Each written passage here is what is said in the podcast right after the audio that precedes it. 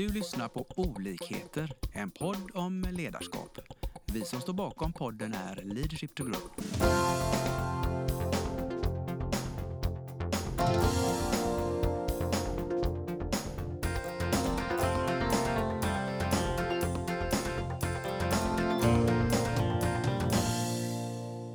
Välkomna till dagens podd. Idag sitter jag hemma hos en spännande gäst som får presentera sig själv. Ja, kul att träffas. Annika Kreutzer heter jag och eh, jag är ja, allt möjligt. Men jag, mitt lilla företag vi sysslar med ekonomijournalistik och folkbildning brukar jag säga. Och jag har drivit Kreutzer Company i drygt tio år nu. Jag har gjort en massa andra saker tidigare. Tio år är länge. Ja, det är det. Jag sa från början då, jag var 54, att jag skulle driva det i 20 år. Så jag är halvvägs nu. Tanken är ju att jag ska trappa ner det här så kanske mot slutet jobbar jag 10% eller någonting sånt. Eget företag ger ju en fantastisk möjlighet att saxa sig ur arbetslivet. Mm. Finns det kunder så, så kan man ju hänga med ganska långt upp i åren. Mm. Underbart. Jag tänkte innan i uppsnacket här pratade vi lite om eh, några hjärtefrågor kan vi säga för, för dig just att eh, och en som vi jag direkt kast, tänker vi kan kasta oss in i det är det här med pensionsplanering och att fasa ut. Vad tänker du om det? Jo, alltså pensioner ligger mig väldigt varmt om hjärtat. Jag har jobbat många, många år som eh, ekonomijournalist eller vanlig journalist på olika ställen. Jag har också varit Skandiabankens privatekonom och jag var också med, eller jag har alltså följt den här pensionsuppgörelsen för länge sedan, mitten på 90-talet. Ehm, och lite vad syftena är. Och det är, gör ju det hela det är väldigt, väldigt spännande det här med pensioner när man gräver lite i det. Jag har också ska jag säga haft förmånen att sitta sex år i Pensionsmyndighetens styrelse. Så att då har jag ju varit väl engagerad den vägen också. Men det, sa du inte för, det sa du inte förut. Nej, men det är bra. Då... Ja, nej, men det är lite bakgrund till varför jag är så passionerad för pensioner ja. som jag ja. brukar säga ibland. Men jag tycker det är väldigt ja. intressant för det här är ju egentligen första gången i livet vi har en inkomstgaranti. Just Så kan man se det. Det är ett perspektiv. Ja, och vad vill man då göra med det? Hur vill man ha det? Och därför handlar det ju mycket om vad gör man av livet innan? Mm. Hur får du ihop till en bra pension? Hur mycket måste du tänka själv? Hur mycket är sånt som är bestämt i riksdagen eller avtalat på mm. arbetsmarknaden på annat sätt hjälper dig till ett bra liv efter arbetslivet? Hör att jag drar mig för att säga ordet pensionär. Ja, För det, det finns faktiskt ingen definition på det. det är det där Nej. du inte jobbar? Nej, det kan ju vara en annan tid i livet när du inte heller jobbar. Är Precis. det när du tar ut pension? Idag finns det väldigt många som både tar ut pension och har arbetsinkomster. Vi har räknat läckta ut 350 000 jobbonärer som de säger. Okay. Är det då när man tar ut pension? Det är inte helt säkert. Nej. Jag är 64 idag. Jag tar ut en kvarts premiepension. Det är den här ena lilla där ja. man får placera fonder själv. Och det gör att jag kan faktiskt få ett intyg från Pensionsmyndigheten att jag är pensionär. Jag har rabatt på kollektivtrafiken och på tåg och lite annat sånt där. Jag betraktar mig inte som pensionär även om jag har det intyget. Så det här är lite, jag säger livet efter arbetslivet. Ja, klokt. Mm. Och det här kommer in på mitt hjärteämne då, det här personligt ledarskap och hur man navigerar i detta då när man har börjat närma sig den här möjligheten som Ja, det är ju hela arbetslivet egentligen som lägger grunden för vad det blir så småningom. Eh, och där har vi ju stöd av att riksdagen beslutat eller arbetsmarknadens parter beslutat om tjänstepension och sånt. Men sen måste man ju också börja fundera på hur ska jag styra mitt liv och hur ska jag fasa ut mig från arbetslivet? Är det så att jag ska jobba järnet till 65, 67 eller vad det nu kan vara och sen klackarna i taket, nu är jag ledig på 100 procent. Eller ska jag hitta ett sätt då jag saxar, som de här jobbonärerna. Eh, sen finns det ju också frågan som är väldigt viktig idag. Hur ska jag orka? Mm. Det är ju mm. många som har haft tunga jobb, psykiskt påfrestande jobb. Det är kanske det som är mer vanligt idag än det rent fysiskt jobbiga. Eh, och hur ska jag då orka och ta mig hela vägen? Och här tycker jag att det är både ens eget ansvar att försöka hitta bra lösningar men också arbetsgivaren, arbetsledarens sak att eh, stötta och se till att ta tillvara den mm. kunskap och erfarenhet som finns hos en mm. person och göra det på ett bra sätt. Eh, jag berättade tidigare för dig om, om den här barnmorskan Ja. jag träffade Ja, på bokmässan i, Göteborg. Jag var där med en bok om pensioner och kom och prata med henne. Och hon sa hon hade jobbat många år, hela Mm. yrkeslivet som barnmorska. Och hon hade ju insett att hon skulle ju aldrig jobb, orka till 67. Hennes rygg skulle inte palla Nej. det. Det är så otroligt tungt jobb. Så att hon hade omskolat sig till lärare för barnmorskor. Så hon lärde ut. Hon använde hela sin livserfarenhet, sin kunskap och förmedlade den till nya barnmorskor. Ja. Och hon sa, det är så roligt, det är så tacksamt. Och nu kan jag jobba precis hur länge som Ja. helst. Och det är en klok arbetsgivare då som ser att här finns kunskapen som vi har nytta av. Henne vill vi Precis. ha kvar. Hur gör vi så vi kan ha kvar henne på ett bra Mm. sätt? Eh, Berättade hon, hur kom hon till den insikten? Var det ihop med arbetsgivaren? Eh, nej, det var nog att hon, hon bara... Jag tror hon gick och sa, jag vet inte hur jag ska palla. Jag vet inte hur jag ska orka. Och jag känner ju andra barnmorskor som Mm. jobbar 80 procent för de orkar inte 100. Och jag skäller på dem och säger, det är inte din sak att sänka arbetstiden därför att det är orimliga arbetsvillkor. Utan här ska ju skyddsombud in och annat. Mm. Alla har rätt att jobba 100 Mm. Så procent. rättigheter och känna till sina möj- möjligheter Ja, är viktigt. visst. Och alltså att värna arbetsmiljön, det är faktiskt en väldigt viktig pensionsfråga också. Mm. För har vi inte bra arbetsmiljö, ja, då, då spelar det ju ingen roll vilka åldrar vi har, för då orkar vi inte ända fram Mm. oftast. Men det här fallet är ju en, en, fan, ja, en fantastisk Ja. historia. Det har blivit väldigt, väldigt bra. För att jag t- tänker, hon skapar ju väldigt mycket värde också i sin nuvarande roll med den enorma Ja, visst gör hon erfarenheten. det. Och det här tycker jag att man bör se mer på, inte bara kanske med ett sånt här kunskapsintensivt yrke också, utan även andra yrken. Är du en god städare, säger jag, lokalvårdare heter det kanske, annat, ja, du kan ju också lära upp den yngre generationen. Eller sitta och administrera, sitta och göra tjänstgöringslistor, annat sånt där. Här tror jag att både man själv måste våga ställa krav, men också att arbetsgivarna måste inse för vi har ju arbetskraftsbrist. Samtidigt som vi har en hög Ja, arbetslöshet precis. så har vi ju arbetskraftsbrist. Vi har kilar där det Mm. fattas verkligen folk och det behövs mycket folk. Precis. Vi vet att kommuner och regioner kommer ha en stor brist Mm. framöver. Här måste de faktiskt lära sig vara rädda om alla Mm. Ja, Och anställda. det är ju, jag menar, egentligen är det en outnyttjad potential för samhället då. Visst är det det. Visst är det det. Otroligt. Så att eh, kan vi så ska man ju fortsätta att jobba om man, ska, om man tycker det är roligt, man behöver det och så. Sen finns det ju de som Mm. in, absolut inte vill. Och då får ju de istället ha tänkt på att satsa på att försöka få Precis. ihop pengar och annat på annat sätt. Ett område som jag tycker är viktigt, som vi pratade om lite när vi talades vid i telefon, det är det här också. Det är ju ganska stora olikheter ibland mellan hur män och kvinnor gör i de här skedena i livet. Vad, vad tänker ja, du där? Oh ja, och det ser vi ju resultatet sen på mäns och kvinnors pensioner. Det är ju en stor skillnad generellt sett. Ja. Eh, ja, det är ju de här vägvalen vi står i Mm. hela, genom hela livet. Ja, kan du inte Som har belysa lite det för, för lyssnarna? Alltså, vi har ju till exempel kvinnor pluggar mer än män idag. Mm. Det ger inte så mycket pension, men det ger kanske högre lön och bättre pension sen. Det är ett steg, men viktigaste det är ju egentligen att våga utbilda sig i yrken med bra löner.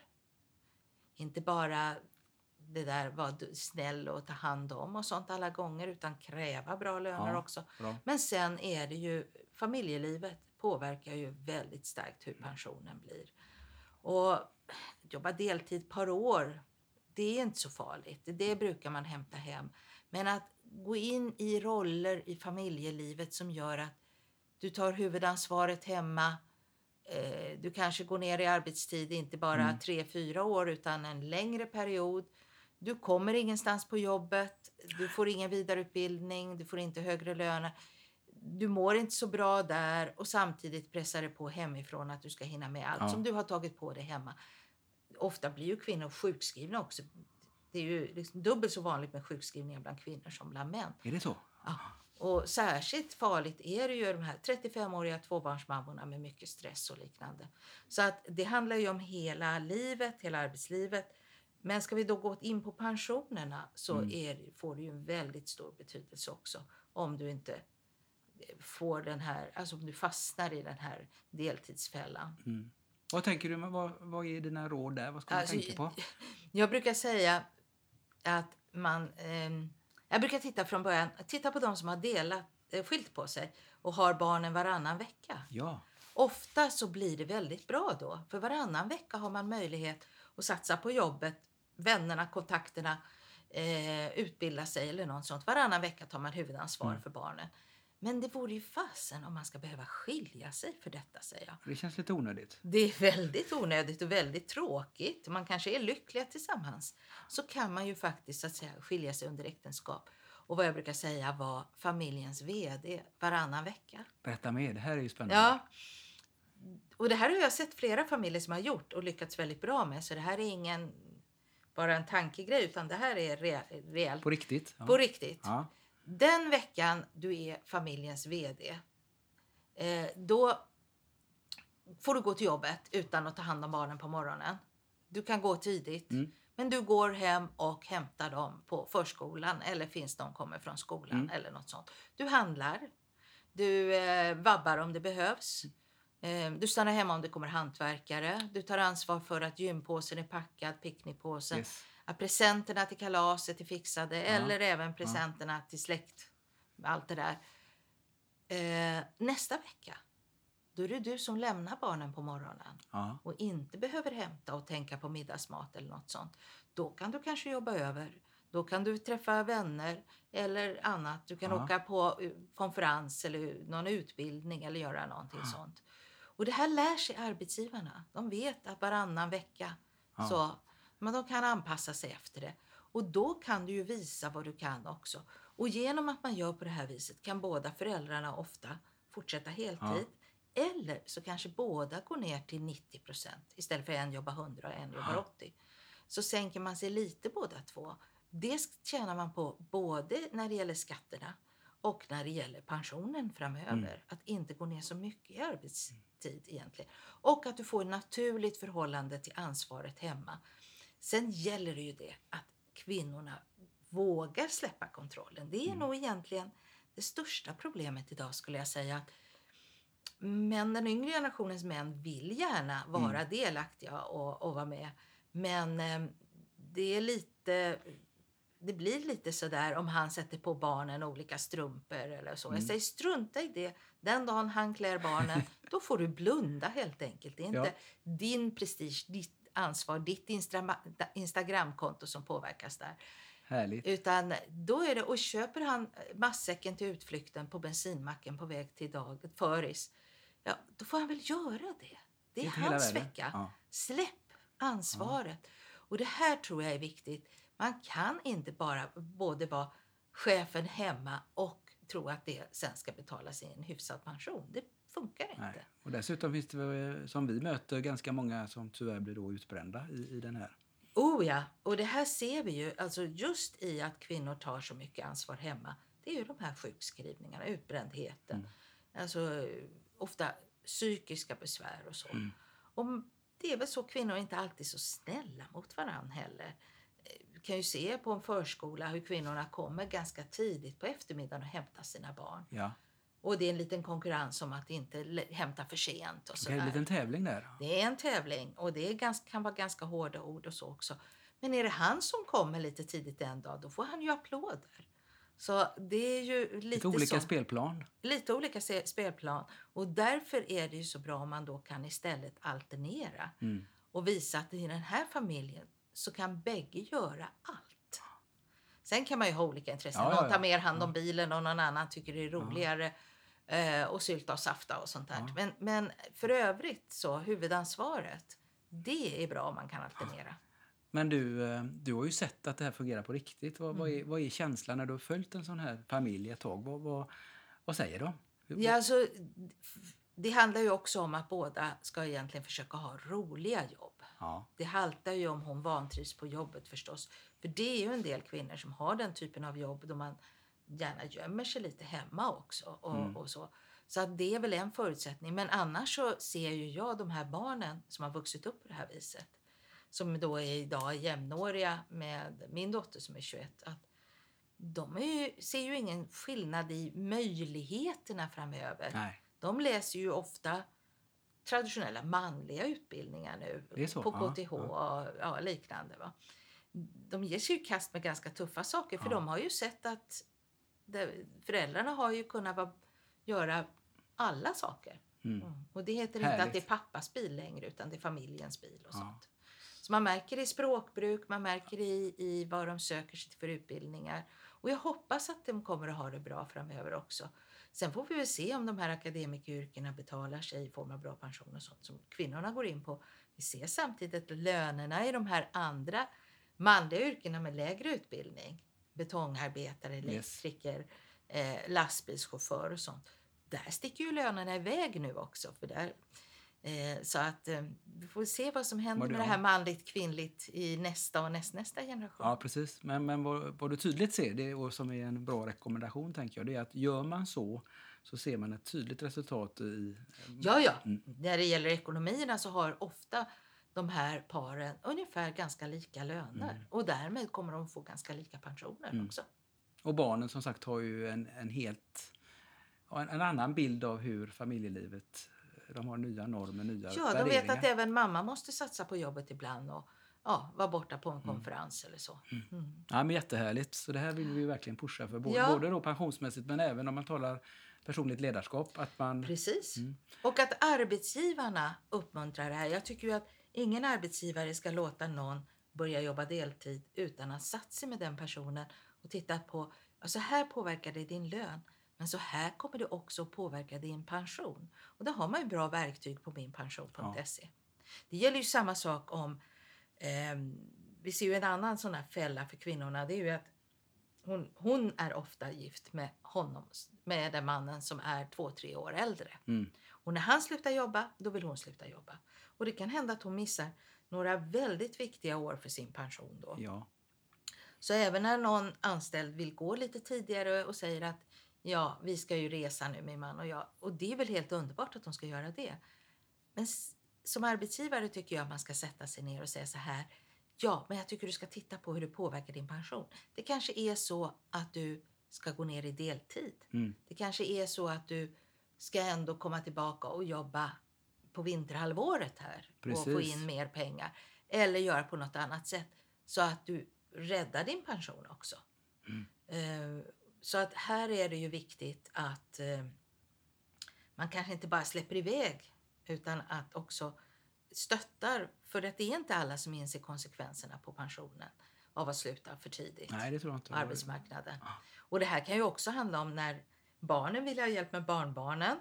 Det har jag också hört. Många att säga ifrån att nej, det kostar mig för mycket.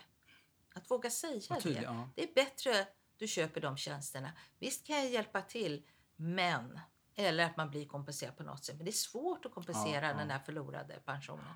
Sen har vi ju också de som slutar tidigare för att hjälpa äldre föräldrar Ja. som har stora behov. Och där är det ju inte heller självklart. Det är mycket hon som gör det men eh, forskning på Stockholms universitet bland visar att även han börjar göra det nu. Så att det är inte lika könsbundet som det var tidigare.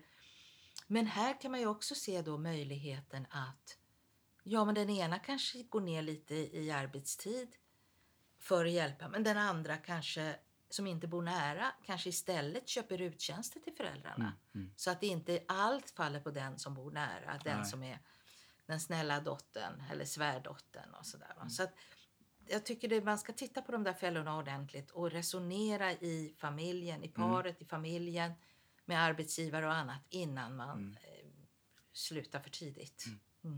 Mm. Mm. Sen ska man ju också tänka på hur kan jag fylla på pengarna längre fram. Det är en annan, ett annat Ja, kapitel. precis. Mm. Nej, men det, det ligger ändå att det handlar mycket om att våga bryta de här mönstren, utmana arbetsgivaren, ha en diskussion, initiera diskussion i familjen, hur man vill Oh, ja. ha det.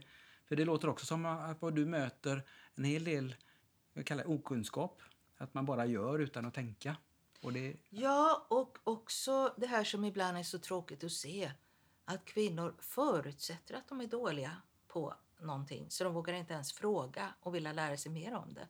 Det är det här att... Ja, men det, förr var det ju ofta att pappa deklarerade, sen var det maken som deklarerade. Nu är det så lätt så nu, nu klarar man det ofta själv. Men det gäller annat också. Mm. Han ska fatta de stora ekonomiska besluten, hon ska fatta de små det är ju väldigt bra när man kan sätta sig vid köksbordet och prata pengar också. mm, Och det är inte okvinnligt att prata pengar. Nej. Det är, det är högst mänskligt vad att tänker du- resonera kring Ja. det. Ett råd då, vad, vad krävs för att ta det där lilla första steget om man nu är en lyssnare, en kvinna som lyssnar på det här och Ja. kanske tycker det är lite jobbigt. Vad ska man göra? Ja, att ta en anledning till det. Du, jag tittar på de här papperna. Jag fick de här papperna med posten. Kan vi inte sätta in det här i lite, se vad det betyder för övrigt och sådär. Ja. Jag förstår papperna, men vi kanske kan börja prata lite om eller Mm. Har du fått ditt pensionsbesked? Ska vi sätta oss och titta på det tillsammans och se hur Bra. det ser ut för oss? Det låter inte så svårt. Ja, nej, lite sådär, kanske inte, jag vet att jag får mycket sämre än du, du måste ge mig pengar. Det Inte så, nej. Nej, och det finns ju den rädslan, att våga säga sådana saker. Ja. Sen är det också eh, ibland helt omöjligt och en del relationer funkar inte att prata. Och där, där jag säger då kanske att han ska kompensera hennes deltid med Mm. en eh, kapitalförsäkring med äktenskapsförord Mm. till exempel. Så säger hon, det skulle jag aldrig kunna föreslå. Nej, men då kanske du åtminstone kan prata med dina föräldrar så att det arv du får efter dem blir din enskilda egendom. Där har man en möjlighet att Mm. kompensera och hon har ett eget kapital. Om sen det blir pensionspengar eller att bara känslan av att hon har en lite större ekonomisk trygghet. Yes. Det kan balansera ett äktenskap också och göra det lite mer harmoniskt. Mm. Så att, eh, kan man inte gå till maken så kanske man kan gå till föräldrarna i alla fall. Men ta ansvar för detta. Det är det du Ja, säger. man måste ju våga göra det och Mm. prata med varann också. Mm. Det finns det ju jättemånga sådana här sajter där kvinnor pratar pengar, ekonomista och liknande och stöttar varann. Mm. Så jag ser ju en helt annat i den yngre generationen. Samtidigt, alltså de finns ju. De, sen finns det andra sajter som Familjeliv där tyvärr bara kvinnor nästan är med i debatterna och där man har gjort undersökningar som visar att fyra av tio hade inte funderat över sin ekonomi innan de, när de blev gravida. Över sin ekonomi när de skulle ha barn. De hade inte planerat, lagt undan och Nej. gjort någonting. Och det är ju också en annan sida av det Mm, hela. mm. Och de vågar inte prata. Han använder sin lön till att köpa saker som han kan ha. Och hon, det är maten och barnens kläder. Och är de sambo så kan ju han traska iväg med alla saker och sitt sparkapital Mm, alltihopa. Och hon har ingenting. Så här är ju också något man borde Absolut. diskutera. Jag tycker ju egentligen för de allra flesta är äktenskapet en väldigt bra juridisk paketlösning som skapar trygghet också. Ehm, Så att... eh, jag bra tycker det grejer, ja, det finns mycket bra i det. Så att, eh, och samboskap kan ofta vara en ekonomisk fälla för kvinnor. Mm. Men det, jag hoppas ju att lyssnarna här ökar sin, får lite medvetenhet om att, att det här att vara passiv och bara tro att det ordnar sig är kanske inte den bästa strategin.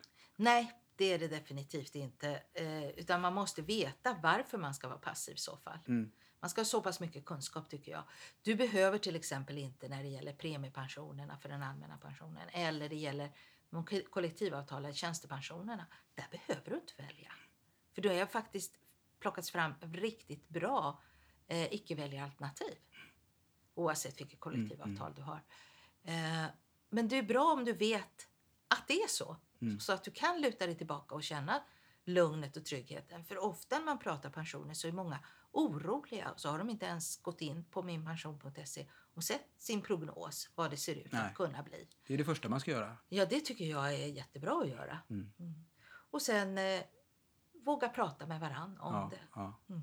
Ja, men vi, vi utmanar väl alla våra lyssnare att in och Ja. titta på min pension och så ta upp det vid, så fort som möjligt under trevliga former vid Precis, middagsbordet. ja. Med Kanske ett glas vin bredvid. Ja, och sen som sagt, testa om man vågar vara, om man lyckas bli familjens vd varannan vecka. Det är också spännande om några har såna erfarenheter och kan Ja, dela med sig av det. ja men det, det, väldigt... kan väl, det blir en konkret utmaning. ja, det kan- blir det. För att Mm. jag tror att det har mycket, mycket större betydelse Ja. än om man delar föräldraförsäkringen lika. Det är ändå bara Ja. en kort tid av barnens liv. Ehm, men det här, det är Ja. ett mönster som barnen växer upp med. Ja. Så det påverkar både ekonomin för föräldrarna men också hur barnen ser på manligt och kvinnligt i Ja, det, framtiden. och där lägger du grunden, tänker jag. Vilka det. värderingar på för kommande generationer. Så, Ja, det är det jag hoppas på.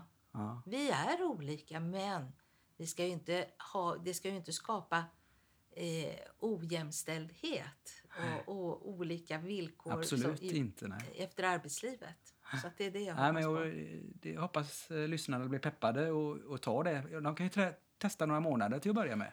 precis, pröva lite försiktigt i Ja, alla fall. Men som sagt, ja. det gäller oftast för henne då att bita ihop Ja, och inte komma och rätta till det Nej. han gör. släppa. Utan våga släppa. Ja, och vad är det värsta som kan hända med strumporna? Typ. Ja, det är ju att någon, någon bitsk mamma ser detta och tror att det är hon som har satt på strumporna på bungen. Det är ju inte så. De flesta män ser ju skillnad på två strumpor också. Även om färgblindhet är vanligare bland män än bland kvinnor så det är inte, det, det är inte så farligt vad som kan hända. Nej. Och tyvärr är det väl så också att ibland kanske vi använder våra barn lite för mycket som accessoarer. Att de ska vara en del av hur vi är Mm. eh, och spegla om vi är vackra, har smak, god smak och liknande. Och vidare. Ja. Men tona ner det lite. Ja. Det finns ju underbara såna här sajter också. Folk visar bilder, de sanna bilderna hemifrån med stök och allt. Finns det det? Det, ja, ja. Då, det är ganska befriande att titta på sånt. För att det Känner du till ju- någon sån? Vi kan, det kan ju några... Jag kan inte någon namn på dem nu. Nej, det går säkert att hitta. Ja. Ehm, Men det, det är nyttigt att titta på sånt emellanåt. För även de tjusigaste hemmen är ju stökiga emellanåt. Jo, men det är det jag tycker som en kontrast till sociala medier när man får den här perfekta bilden att, att kunna visa på kaos. Jag blir jättetaggad på det för det, det kan ju lugna oss allihopa. Att vi behöver inte Precis. vara så per- Ingen är ju perfekt. Alla, alla har ju sina brister. Ja. Och, Och man ska komma ihåg att det ljugs väldigt mycket på de där sajterna, de här andra där vi visar upp oss. ja, det kan Det är jag... mycket lögner där Ja. också. Så att det är ju lite tråkigt. Man tittar på kvinnors sjukskrivningar, hur det har ökat. Så följer det tyvärr också eh, touchmobilernas utveckling och sociala medierna. Mm. Så att eh, Det är en varningsklocka, absolut. det är en varningsklocka, definitivt. Ja, bort med dem.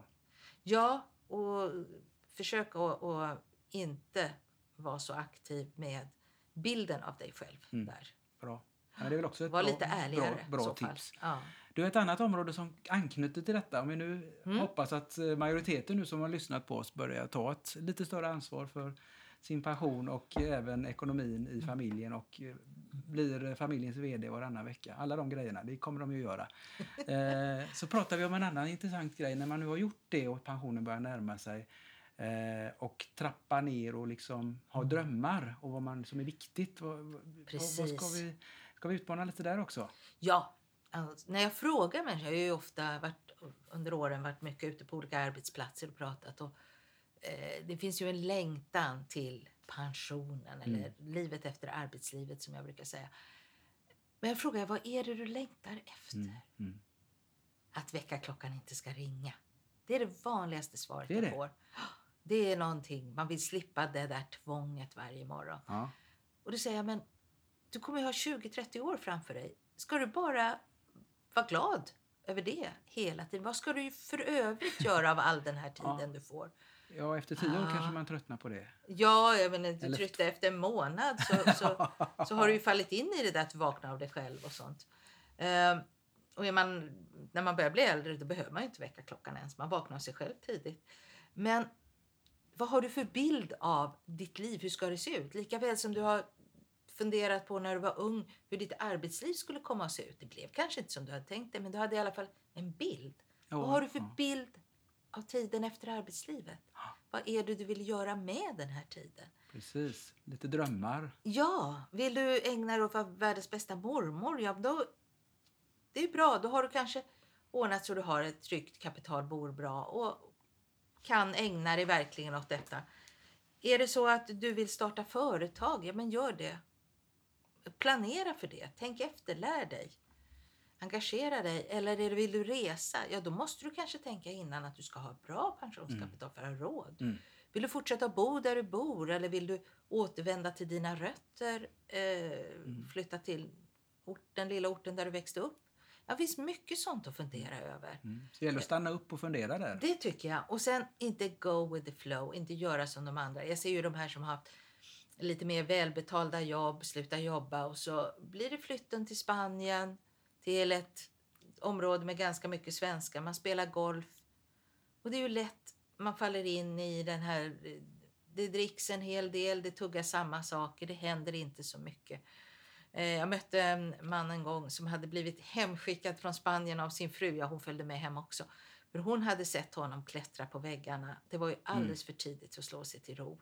Han var ju odräglig där nere. Och hon, jag tror också att hon anade att han drack en del. Men Vi åker hem, du vill ju göra något. Och han blev ju affärsängel då. Ja. Han gick ju in i unga startupföretag, hjälpte dem både praktiskt, stöttade med sin livserfarenhet och sin erfarenhet av ledarskap. Och kunde också göra en del investeringar som var spännande Ja, ja. och som betydde mycket för de här unga entreprenörerna. Så se vad, det livet älskade ju han sen. När han Mm. berättade om detta så sa han vad det bästa hans fru hade gjort. De sparkade hem honom från Spanien. Ja. Så att vi, det går ju att tänka mycket kring det här och även de som har en väldigt låg pension. eh, Det går kanske att vara dagmatt åt en hund. Man får faktiskt tjäna upp till 24 000 om året utan att det påverkar bostadstillägget. Mm. Och det kan ju vara ungefär vad du tjänar på att ha en Mm. liten vovve hos dig som gör att du går på promenader varje dag. Ja. Och du behöver inte ta hand om den på kvällar och helger och semester när du vill ha, åka till landet eller något annat. Men eh, det är ändå någon uppgift du känner. Du är behövd av någon Ja. och så. Och det är viktigt. Mm. Så att eh, fundera igenom vad man vill. Och jag tycker också att arbetsgivarna inte ska släppa folk för lätt. Nej. För här har du också möjligheten att få en senior som eh, kan stötta de yngre. Som kanske kan komma in som vikarie när det behövs, täcka upp Mm. vid toppar. Som kan vara bra att ha kontakt med på ett eller annat sätt. Precis. Eh, Du får ju ganska mycket kompetens för en ganska liten investering. Låter Ja, men det är just det. Det är ju det. Och jag har mött då också, när jag varit ute och pratat pensioner, eh, som ett sån här återvändare. Ja. Det är ju de här som gick hem och slog sig till ro och dels kanske pensionen var mindre än vad de väntade sig. Det var lite tråkigt. Ofta har de varit inom skolan och vården, omsorgen. Skolan till exempel, kommer man tillbaka som eh, återvändare då kan man ju säga ifrån, nej jag vill inte vara eh, klassföreståndare. Nej, inga föräldrasamtal, inga konferenser, inget annat tråkigt. Jag ska gå in i klassrummet och jag ska bara undervisa. Och som några jag pratade med beskrev det så var det, jag kom tillbaka till det yrke jag hade längtat efter när jag utbildade mig en gång i tiden. Underbart. Ja, Massa energi. massa energi och skolorna har idag ofta eh, de tar tillvara de här, bara man berättar att man finns. Det var en Mm, gymnasieskola nära mig här. Det är svårt att få tag i lärare i tyska och franska. Mm, mm. Det var två kvinnor 70 plus. De blev ju bästisar också och fortsatte då att ha sina timmar, inte många timmar i veckan, men några timmar. Ja. De hit, träffade varann, de behövdes, de fick göra det de tyckte var jättekul. Och för övrigt hade de tid att göra allt annat också. Så att återvändare är ett guldkorn ja. också som man ska tänka på. Och man ska också inte dra sig för att, säga att nej, jag vill nog återvända. Mm, mm. Mm. Och ibland är det genom bemanningsföretag. På somrarna så är du sjuksköterska och går via bemanningsföretag. Mm, det går Du också. kan ju tjäna fruktansvärt med pengar på att gå in då en månad eller två och, och fylla på Precis. helt enkelt. Så att det går ju att hitta, man ska ju inte jobba mer än man orkar och vill. Men eh, man, det är skönt att känna sig behövd också. Ja. En del vill ju syssla med någon form av välgörenhet. Ja. Vet de som kanske jobbar extra på ett katthem eller vad som. Men att man ser mer än bara den här väckarklockan. Mm. Det Ja, men det är, det är väl en, en jätteviktig sammanfattning att, att gå tillbaks till vad vill jag? Vad, vad längtar jag efter? Vad har jag saknat? Mm. Och, och ta de bästa bitarna i, i Mm. tårtan så att säga. Och vi är ju så fysiskt friska generellt sett. Ja. Vi kan vara trötta och utslitna. Vi kan vara psykiskt slitna också av många yrken idag. Men generellt sett när man mäter fysiken hos oss så är det ju det här ehm, att dagens 70-åringar är ju som gårdagens 50-åringar rent fysiskt Det är sett. så, ja. Ja. Det är Men samtidigt har ju 70-åringen en 70-årings erfarenhet och Ja, perspektiv. ja. Så det är ju, kan vara rikare på sitt sätt Ja. också. Det är fantastiska möjligheter. Ja, det är det. Och eh, Bodil Jönsson pratar ju om det här med höger och vänster hjärnhalva Ja. som korresponderar allt bättre. Alltså, fredsmäklare, det ska vi bli vid 80 års ålder. Då är vi bäst på det. Man kan ju se Hans Blix till exempel, Ja. som har varit ute och rest över hela världen när det gäller Ja. eh, kärnvapen och sånt. Det, det är häftigt vad som händer med oss. Ja. Och det pågår nu en hel del forskning också där man låter äldre forska för att se om de tänker ut andra lösningar. Jättespännande. Sånt är så spännande. Det här, jag får jättemycket energi av detta just. Vi har ju, när vi började prata om Ja. ålderism, men här målar ju du upp en bild, en väldigt positiv bild om åldrande och hur mycket värde man kan skapa. Ma- Ja, men visst möts man av volterism också såklart. Visst är det ju en del som inte alls eh, blir eftertraktade. I vissa yrken är det slut efter 45 och sånt där. Där tror jag arbetsgivarna begår ett stort misstag. För de ser inte, det är kanske jobbigare att arbetsleda någon som är lika gammal som ens mamma. Men när man klarar en, en heterogen grupp, när den får stöta och blöta Ja. frågorna så kan man ju komma fram till så otroligt mycket bättre lösningar än om alla runt bordet är i samma ålder och gått samma utbildning och ofta nästan är i samma kön också. Så att som ledare tycker jag att det är viktigt att se vikten av det här heterogena, den äldre människans erfarenheter, den yngres eh, nyfikenheter och sådär och försöka få ihop det i olika projekt och så. Så jag tror till exempel inom reklam och marknadsföring är man ju ofta lite sådär, det ska vara ungt och hippt. Tror jag man begår ett stort misstag. För många av köparna av saker och ting är äldre. Mm. Man Det är ska- som mm, Amelia med tidningen M. Mm. Alltså det är, hon visar ju verkligen på att det finns en, en grupp, alltså det finns många som efterfrågar att få konsumera när de blir äldre också. Men vi blir mötta med eh, som de människor de är och inte Precis. förlöjligade eller någonting sånt. Mm. Men det är en positiv bild eh, du målar upp tycker jag. Så det, Ja, det, men arbetslivet är ju hårt också. Ja. Men det är det jag vill återkomma till. Att vi måste också våga säga till om arbetsmiljön. Den är, det har ju försvunnit mycket när det gäller industrier och sånt. Det kommer in på ehm, en stort turbintillverkare idag. Det var ju liksom vitt och det var datorer och det var tyst. Ja. Det var gammal gjuteriindustri, helt annorlunda. Men du går in på ett socialkontor idag så har du hot om våld och stress och en enorm press på dig och som sliter både psykiskt och fysiskt. Den typen av arbetsmiljöproblem måste vi verkligen ta tag i också. mm, precis. Människor ska inte behöva vara rädda på jobbet. De ska inte jobba i hemtjänsten och bli slagna. Liksom, för de möter de människor som är dementa och rädda och kanske våldsamma också. Mm. Här har vi jättemycket att ta tag i. För om du blir utsliten vid 50-55 av sådana yrken då får du en riktigt låg pension också men du får inte heller ett bra liv. Nej. Och det är inte ditt fel utan det är arbetsgivarnas ansvar vare sig det är kommun, region eller en privat arbetsgivare.